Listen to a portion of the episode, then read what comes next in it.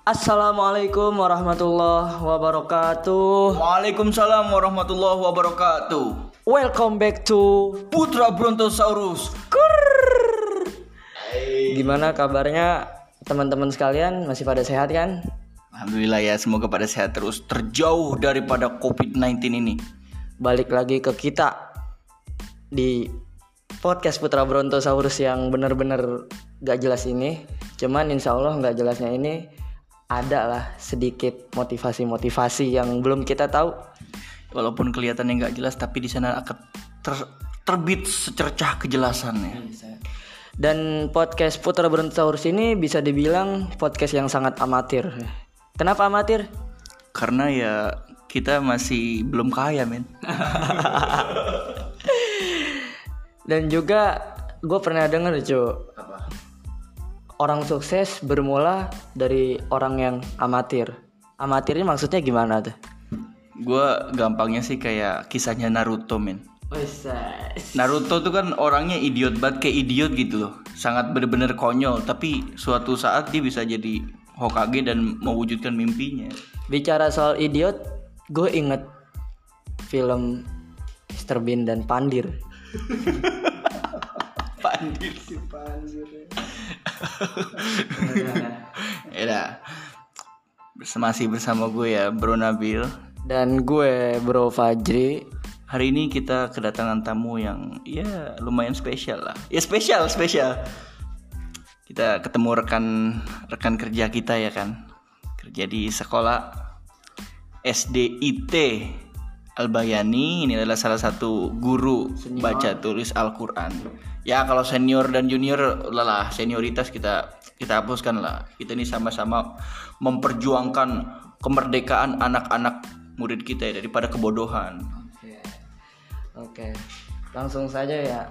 Sebelumnya Maaf Sudah mengganggu aktivitas kesibukan Bintang tamu kita ya Di mana bintang tamu kita ini benar-benar jadwalnya padat men. Padat banget. Udah untuk lebih jelas lagi Kita langsung denger perkenalannya langsung ya.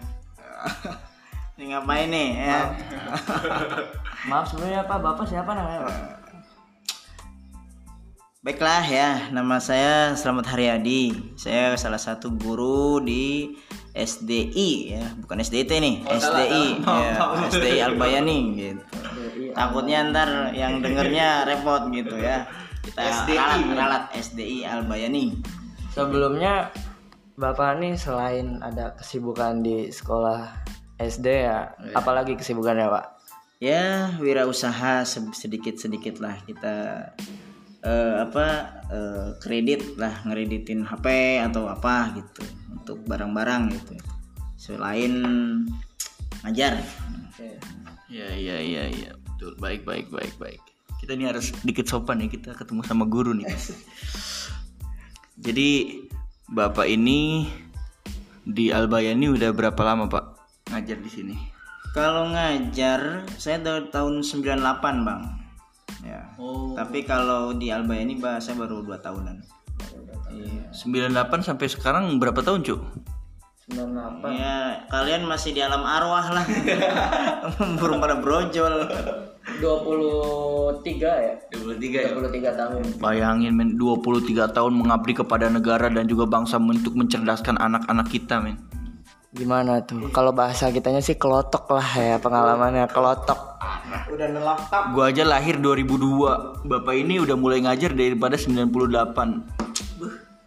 Jadi Bapak waktu gua emak gua belum kawin ini waktu itu memang udah sanawiyah. Jadi diminta kelas 3 sanawiyah itu diminta bela- ngajar di DTA. DTA di mana tuh Di DTA di kampung sendiri, Kampung Jiun namanya. oh ya Eh, Karangsari, Desa Karangsari. eh tapi by the way bapak ini asli mana pak Saya asli Bekasi. Bekasi Oh, saya asli Bekasi. Putra Bekasi ya Putra Bekasi. Oh, bukan putra brontosaurus pak saya tirek aja tirek lagi. Yang bronto doyan gigit ya Kita mau senengnya yang ini eh, sangar-sangar ya, tapi walau muka preman hati tetap roman. Masya Allah. Harmon banget. Oh iya tadi cuy gue ngeliat di video snack di snack video tuh ya. Di snack video tuh ada kayak kekuasaan Allah tuh. Di situ laut. Kekuasaan Allah. Gimana tuh? itu laut tuh benar-benar kayak gimana? Laut kayak warnanya beda Dua- lah. dua- dua yang laut, satu dua warna. iya yang satu hitam yang satu benar-benar butek kayak pakis Butuh bagus. jangan jangan nama bang Nanti disensor, disensor. Jadi yang sebelahnya tuh coklat. pakis yang tender ya sebelah warnanya agak coklat, yang sebelah biru, kayak laut samudra beneran ya. Kita langsung tanyain aja ke pakarnya ya. Itu kira-kira gimana, Pak? menurut bapak ini gimana antara dua perbedaan dalam satu laut tuh Pak? Tadi ente ngelihat keterangannya di mana itu? Di negara lain? Di apa? Cina. Cina. Di Cina. Soalnya di situ ada perahu ada kapal kapal laut ya. Ada benderanya? bendera Cina. Hmm. Padahal di Indonesia tuh ada. Nah, kalau nggak salah kemarin di apa tuh eh, jembatan Madura tuh apa tuh? Suramadu. Ah di situ udah terlihat tuh perbedaan. Hampir sama. Bukan mena beda tapi memang sama. Jadi satu warnanya agak butek agak coklat coklat yang satu agak bening itu Mm-mm. ini memang dalam Quran itu ada ya jadi sains itu sebetulnya membenarkan tentang ajaran Islam gitu Subhanallah. Nah, ya. Dalam Islam ada keterangan dalam Quran, maka sains membuktikan kebenaran Al-Quran. Salah satunya banyak sekali tentang kisah Fir'aun. Ternyata ada kan? Oh iya betul. Fir'aun. Fir'aun. Terus kisahnya kaum Samud. Sekarang Petra tuh yang tinggi gunung dipahat jadi rumah. Nah, itu ada itu. Ya, ternyata tidak tidak lewat kita dari situ. Kemudian dalam Quran itu Allah menjelaskan tentang dalam kandungan. Seperti apa dalam kandungan? Itu diliputi oleh tiga kegelapan. Oh, ternyata di dalam dunia kedokteran di kandungan itu dibuktikan kita itu di- terdiri dari tiga dilindungi oleh tiga lapisan di dalam rahim ibu. Ah, ya. Nah, itulah kuasa Allah luar biasa ya. Luar biasa sekali, Pak. Sebenarnya jadi kita ini di agama Islam yang mana rahmatan lil alamin dan juga dibuktikan oleh oleh orang-orang yang non muslim cuy. Betul, betul. Ya salah satunya hadis Rasul ya, tentang mukjizatnya Nabi Muhammad saat itu beliau disuruh oleh seorang raja membuktikan mukjizat dia membelah lautan. Eh, maaf, bulan, bulan, bulan. Nah, NASA baru-baru kemarin ya, sebenarnya udah lama gitu. oh. Tapi ya kita mah eh, tahun 2000-an lah dia baru ketahuan. Ternyata di bulan itu ada retakan yang diperkirakan itu tuh eh, bulan itu pernah terbelah ternyata. Itu membuktikan hadis Nabi luar biasa ya tentang bulan itu. Oh, dan juga kalau bicara soal Isra Mi'raj tuh. Wah. Isra Mi'raj tuh sainnya gimana? Pak? Itu hal yang luar biasa ya. Itu jarak sekian jauhnya zaman dulu kan nggak ada yang namanya pesawat. Orang itu mengatakan Nabi Muhammad itu majnun. Apa majnun? Gelo. Gelo.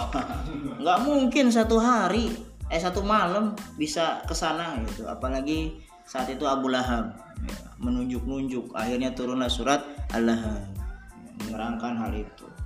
Bahwasanya mana mungkin Muhammad satu hari kamu ke sana ternyata sekarang dibuktikan kita ke mana-mana aja cepet. Nah, dengan pesawat ya dengan mobil kereta dalam satu malam jarak yang jauh. Jadi sains itu betul-betul membuktikan kebenaran Islam. Kita naik ke langit mana bisa kita naik ke langit?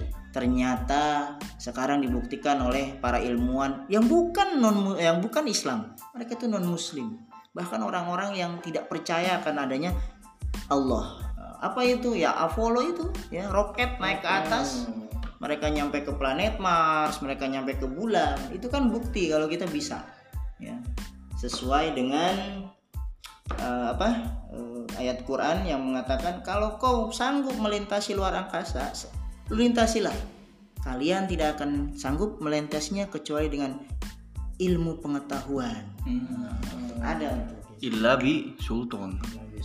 Betul betul betul pengetahuan dengan kekuatan Jadi emang begitu Pak ya. betul Kita kadang-kadang udah masuk Islam, udah menganut agama Islam tapi kurangnya bersyukur bahwa banyak sekali kelebihan-kelebihan daripada kita yang belum kita eksplor ya kan. Nah, betul sekali bang betul sehingga ya imbasnya karena kita kurang bersyukur ya, iman kita juga lama kelamaan menciut gitu.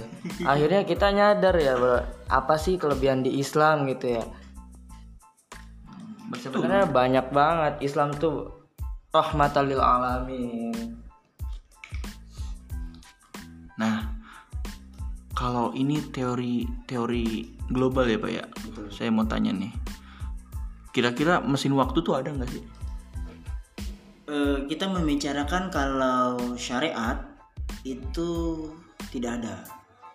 Jangan kita bicara hakikat. Ya. dalam hakikat itu masuknya ke tasawuf. Eh, ya. Tasawuf itu hal-hal yang masa depan pun bisa kita datengin. Contoh seperti Rasulullah itu ketika Isra Mi'raj mereka dia beliau melihat neraka. Diceritakanlah bahwa neraka itu banyak sekali perempuan kan laki juga banyak. Jauh. Ini banyak kan cewek. tapi untuk flashback ke belakang selama ini belum belum belum belum ada. Mungkin bukan belum tidak ada. Karena kalaupun ada kita akan menghentikan sejarah atau mengulang sejarah atau merusak sejarah yang ada gitu.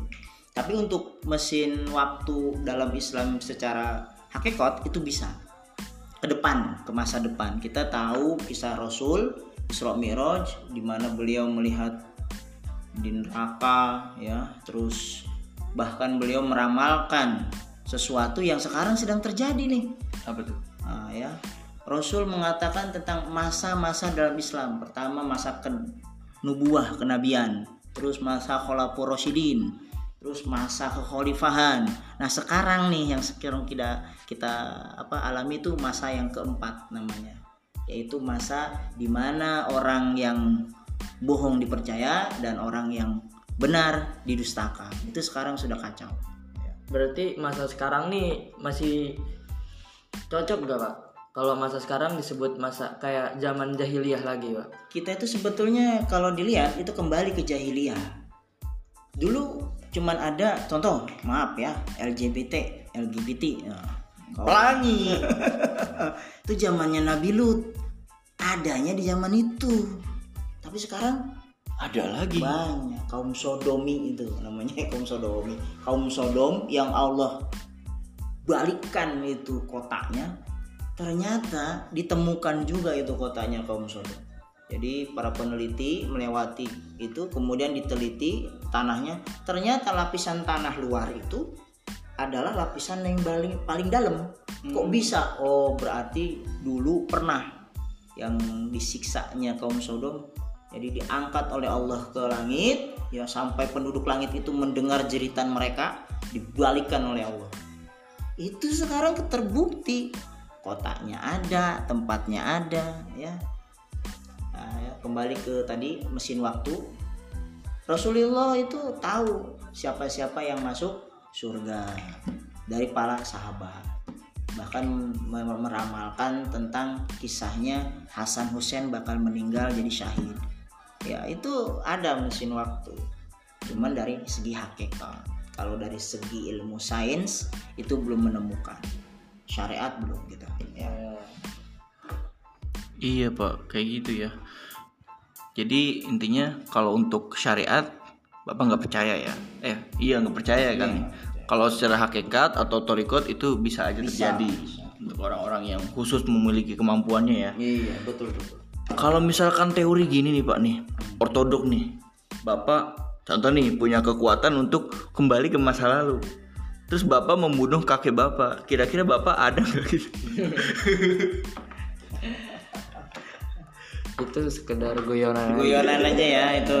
Karena sesuatu yang mustahil nggak akan terjadi ya. Tapi katanya nggak ada yang mustahil kalau di dunia pak. nggak. Kalau yang hal yang gitu mustahil. Maka kalau misalkan saya kembali ke masa lalu kemudian saya membunuh kakek saya nah saya langsung nggak ada tuh. Saya langsung mati. Kakek saya saya bunuh mati saya hilang saya kan berasal dari kakek saya. Nah sekarang kalau saya mati eh kakek saya mati lah yang lahirin saya siapa? Emak saya nggak ada. Mungkin saya bentuk orang lain kali ya. Termasuk yang nggak ada itu reinkarnasi. Reinkarnasi. reinkarnasi itu nggak itu hanya ajaran di agama lain. Sekarang begini kita punya dosa ke orang. Masa kita hidup lagi?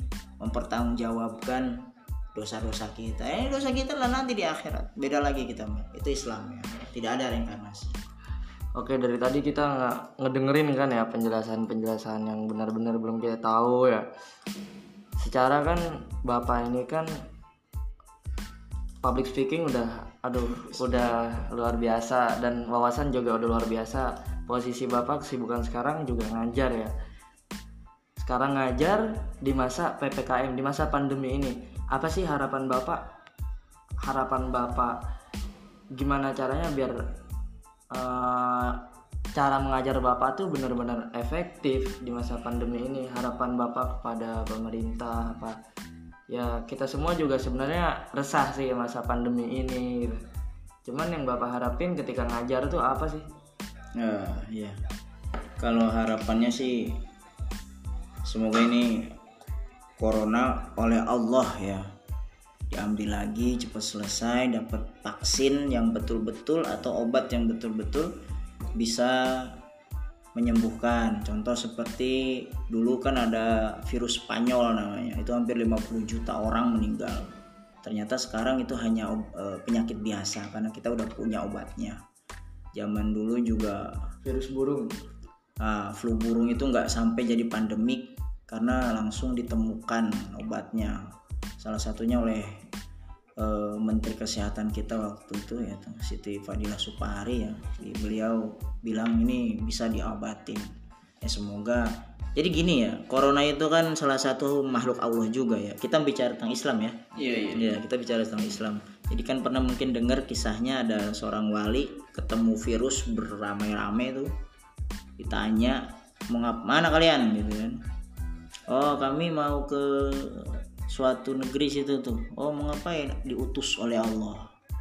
Selama berapa lama di situ? Dua tahun. Akhirnya beberapa hari kemudian terjadilah wabah di tempat itu. Setelah dua tahun mereka kembali hilang atau bertemu lagi dengan wali itu. Kita tugas sudah selesai. Nah, intinya intinya yang kita harus iniin itu pertama ketakwaan kita kepada Allah tingkatkan. Siapa tahu kalau emang rezekinya meninggal dalam keadaan wabah begini masuk ke dalam syahid gitu ya. Betul kan? Ada hadisnya kan? Ya. Dan harapan kita jangan terlalu berlebihan lah kita santai ikuti protokol kesehatannya. Kalau udah ikhtiar santai aja. Pengennya sih masuk biasa gitu ya. Nah, sekolah itu biasa masuk kita pakai protokol kesehatan udah ada vaksin gitu.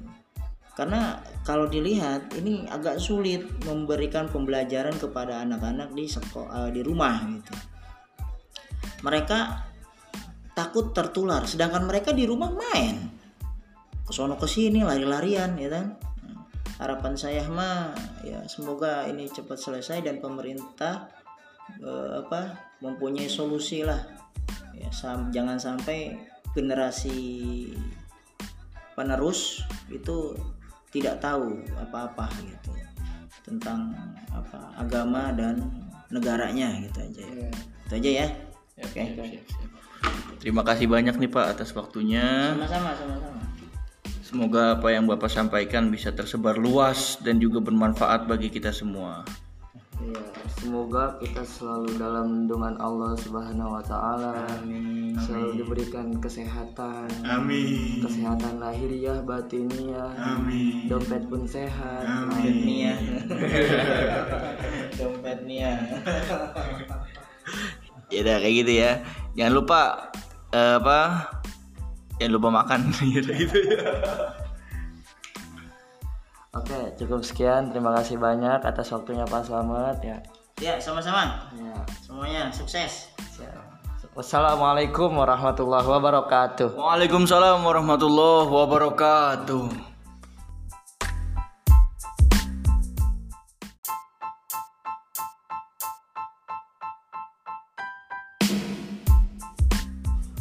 Assalamualaikum warahmatullahi wabarakatuh. Waalaikumsalam warahmatullahi wabarakatuh. Welcome back to podcast Putra Brontosaurus. Yo. Bagaimana kabarnya kalian semua? Semoga sehat-sehat selalu ya. Harus sehat-sehat lah, terjauh dari entong covid ini yang sudah habis ya ppkm-nya harusnya. Harusnya aku yang di sana. Eh bukan. Kok jadi nyanyi? Aduh. Gimana ya sehat-sehat semua ya? Eh, hari ini kita bikin podcast lagi hari apa ini? Hari Senin ya? Hari Senin, Senin yang indah, Senin yang baik. Hari Senin tuh bisa dibilang awal mula awal semangat kita memulai hari. Kenapa bisa dibilang gitu? Awal bulan juga ya, Cuk? Awal bulan juga. Awal bulan. Pokoknya hari Senin tuh nggak nggak familiar dari hari upacara. Iya, hari upacara. Kenapa kita upacara di hari Senin? Kenapa nggak hari Jumat? Kenapa nggak hari Minggu gitu? Karena Senin itu awal mula kita beraktivitas dalam satu minggu. Karena kan hari Minggu kan sebenarnya awal tuh Minggu kan Ahad ya. Cuman hari Minggu itu di negara kita libur. Jadi awalnya itu Senin, makanya Senin diadakan upacara. Itu kalau menurut gua sih nggak tahu. Oh gitu. Eh, berarti hari Senin udahlah. Lumrahnya ya hari Senin hari upacara. Hari Senin hari bekerja juga ya. Hari Sem- hari Senin hari semangat baru. Iya gak sih? Enggak ya. Harusnya sih gitu. Karena apa ya kalau kita awal minggu aja udah lemes, gimana nanti ke depannya ya kan? Susah. Sekarang udah masuk ke bulan Agustus ya. Bulan Agustus dikenal dengan bulan apa yuk? Banyak Agustus peristiwa yang terjadi di Agustus tuh banyak. Ini yang yang gua ketahui ya. Hari Pramuka tuh 14 Agustus ya kan. Terus apa 17 Agustus kemerdekaan Indonesia. Tapi gue kenalnya 17 Agustus selain kemerdekaan Indonesia, 17 Agustus dikenal juga hari hari Panjat Pinang. Dipanjat dulu baru dipinang ya. Betul sekali. Ya jangan asal ujuk-ujuk dipinang ge, nggak dipanjat. Eh, panjat. Terbalik Anda. Oke oke oke oke. Kalau hari lahir Bekasi itu kapan, Pak? 18 ya? 15. Oh tuh, 15 juga hari lahir Bekasi. men. 15 Agustus. Iya. Gue ini tinggal di Bekasi di Cikarang ya, jadi wajib untuk menghormati dan ikut serta dan berpartisipasi, ikut senang lah minimal dengan ulang tahun Bekasi ini ya. Semoga makin subur, makin damai, makin bersih dan juga makin makin keren lah. Kebayang nggak? Kabupaten Bekasi, Bekasi ini kan banyak kecamatan-kecamatannya ya, banyak antek-anteknya kayak Cikarang gitu. Tambun juga masuk ke Bekasi kan? Iya, Bekasi dan kabupaten. dan yang lainnya. Nah, Bekasi ini bikin negara sendiri. Woi. Gimana tuh kesannya? Jangankan Bekasi, Cuk. Papua yang segitu saksi yang saksi lagi. Sakti yang segitu banyaknya aja nggak jadi. Gimana Bekasi yang cuman modal ciu doang. Tapi gue bangga jadi masyarakat, jadi mas apa ya masyarakat Bekasi, benar-benar bangga. Di situ ada keluh kesah gue juga. Gue bangga dengan Bekasi, gue bangga dengan sistem pemerintahan Bekasi. Ya, pokoknya gue bangga. Walaupun gue naturalisasi Madura, eh naturalisasi mah dari luar negeri pindah negara ke Indonesia ya. Alah, lu lahir di Bancong juga. lu di Bekasi kan? Iya kan? Gue lahir di Bekasi. Iya. Nggak ada naturalisasi, cuman keturunan aja. Kalau gua tuh jelas, gua lahir di Kebumen, terus ya tinggal di sini, tapi SMP-nya di Garut, SMA-nya di Bogor. Itu baru jelas. eh maksudnya nggak jelas, ding. Tapi sekarang di Bekasi lagi gitu. Gue di Bekasi numpang lahir. SD gue ke Madura. SD gue ke Madura sampai gue hitanan pun di Madura. Ngapain di Mandura? Hitanan. Hitanan nyaho. Kita nanti sunat ya? Sunat Iya, ya, sunat. Iya pak. Waalaikumsalam. Iya hitanan itu sunat. Nah, gue sunat di Madura. Ah, Praktek hitanan di Madura sama hitanan di Bekasi itu nggak jauh beda kayaknya. nggak jauh beda. Awalnya disuntik, digunting, Oh berarti lu di di itu ya? Di dokter ya berarti ya? nggak Di bidan kan? Di rumah sakit apa? dukun. Di dukun nggak mungkin disuntik cu. Diapain? Dijampe-jampe. Enggak, kalau gue justru waktu sunatan tuh nggak disuntik gua sunatan di depan rumah langsung di bagel pakai kampak gitu tar gitu kayak orang nyacak nyacakin sapi apa gimana nggak gitu juga habis kontol gua Gini, tapi nih oke oke udah ya udah kita cash close pembahasan ini kalau ada janda nih janda tuh kaya cu. Iya. kaya dia butuh dia bener-bener janda kaya nah lu kalau misalnya disuruh nikahin janda itu mau gak tergantung. Kenapa tergantung? Tergantung gua udah punya pasangan atau belum Oh, kalau itu. kalau misalnya lu belum punya pasangan? Uh, kalau gua sih ya pasti melihat dia ini bakal mau nggak gua ajak ibadah bareng. Bukan diajak susah bareng ya gua ajak ibadah bareng. Kalau udah mau dan nurut diajak ibadah bareng. Gas. Tujuan gua kalau misal kayak untuk menikah kayak gitu ya ke janda ya. Ya semoga aja nggak dapet janda ya. Walaupun tujuan gua buat ngajak ibadah bareng tetap gua nggak mau janda. Gue disunat sakit cu. Kenapa emang? Kita gue disunat sakit. Terus? Dapetnya janda. Sampai disuntik gue disunat. Kenapa buat janda? Paham gak lu? Eh bukan gitu cu. Apa? Lu pikir Nabi Muhammad sunat nggak? Enggak sunat? Iya sunat Nabi Muhammad sunat. Eh, jangan- itu dapat janda dia. Jangan nyama nyamain orang kayak kita sama Nabi Muhammad Nah, justru itu adalah hatinya lebih bersih Nabi. Muhammad. Kalau kita sekarang istighfar ntar toksik lagi baik. Nih justru kalau misalkan kita mengikuti perjalanan Nabi Muhammad itu kan lebih afdolu. gue doain ya semoga lu dapet janda. Nggak gitu jodoh lu Wan. janda. Kalau gue nggak mau sih gue doain. Kalau lu masih belum laku kalau lu masih belum dapet pasangan gue doain. Biar lu dapet janda yang mau diajak ibadah bareng gitu. Sumpah gue gak masalah sih. Kalau janda udah jelas ya ada mantan suaminya gitu pernah nikah daripada perawan tapi perawannya nggak jelas sama siapa gitu kan. Waalaikumsalam. Oh iya bener bener bener. Bener banget pokoknya lah. Nah ya pokoknya intinya yang penting orang itu mau diajak ibadah sama lu ya. Bareng lah ya yang penting gitu. Kalau udah bisa diajak ibadah bareng kan mau ngapa-ngapain aja enak gitu. Mengelola harta hartanya juga buat agama juga enak gitu. benar benar benar Ya gimana nanti takdir aja lah. Hidup kita selalu berbuat baik aja sebenarnya. Sekarang tugas kita tuh berbuat baik, berbuat baik, berbuat baik.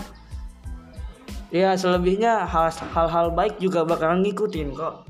Kalau kita berbuat baik ya kalau emang nanti di akhir kita ada hal-hal buruk yang datang ke kita itu tandanya ujian buat kita. Nah, ujian bisa jadi ya. Itu ujian yang harus kita terima dan kita selesaikan. Setelah kita ujian, pasti kita naik kelas. Di situ kita akan naik derajat. Ketika kita udah naik kelas, ujian itu tambah besar, Jo. Pas kita udah naik kelas, ujiannya pasti tambah tambah tambah dari sebelum-sebelumnya. Nah, itu kita lebih diuji lagi. Nah, makanya dari ujian yang sebelumnya kita merasa udah sanggup, udah merasa udah beres belum tuh ngatasin ujian itu. Kalau misalkan ngerasa udah beres, siap-siap bakal ada ujian yang selanjutnya. Kalau misalkan belum beres di situ stuck lu down, lu bakal ya kayak gitulah. Tapi saran maju-maju. saran dari gue sih ya, ketika kalian semua dapat ujian ya, ketika lu dapat ujian ya, jangan pernah puas, jangan pernah merasa bahwa kalian tuh udah selesai dari ujian yang telah kalian rasakan. Karena kenapa ya? Manusia tuh hakikatnya harus nggak pernah puas, harus bisa menahan sabar gitu. Dan ketika pohon pohon semakin tinggi tumbuhnya nah dari situ pohon semakin kencang juga diterjang angin kayak kita semakin tinggi derajat kita semakin kencang juga ujian yang bener-bener ngegoyahin buat keimanan kita gitu intinya jangan pernah puas buat belajar jangan pernah puas buat nerima ujian itu Oke, pesan dari gua nih ya. Lu harus berilmu dan juga ngikutin ilmunya padi. Tumbuh, setelah berkembang, menguning itu lama semakin tua semakin menunduk, semakin handap asor, semakin rengkuh, semakin tawadu ya kan. Sebanyak-banyak ilmu justru malah makin ke bawah, makin nunduk. Bukan artinya kita apa? merendahkan diri ya, tapi kita rendah hati gitu. Nah, ini dia yang terakhir. Ada pepatah mau berbicara kayak gini nih. Sepandai-pandainya tupai pasti melompat juga. Bukan bukan sepandai-pandainya tupai melompat pasti jatuh juga bukan gitu? Sekali tepuk dua pulau terlewati. Wow. Mati satu tumbuh seribu. Oke baik kawan-kawan baik teman-teman baik sahabat-sahabat podcast Putra Brontosaurus ini selagi sekali lagi gua mengingatkan kepada kalian ya. Ini sekedar ini bukan sekedar kita bete-betean atau gimana. Buat kalian yang mendengarkan podcast ini jika kalian punya masa lalu, jika kalian punya cerita yang benar-benar pengen diangkat, silakan share. Silakan kalian DM IG kami, DM DM ada di trailer, deskripsi trailer itu udah ada nama IG kami. Buat kalian yang punya cerita benar-benar penting, silakan DM buat nanti kita bahas di podcast kita selanjutnya. oke gua Nabil Dan gua Fajri. terima kasih wassalamualaikum Assalamualaikum warahmatullahi wabarakatuh. adios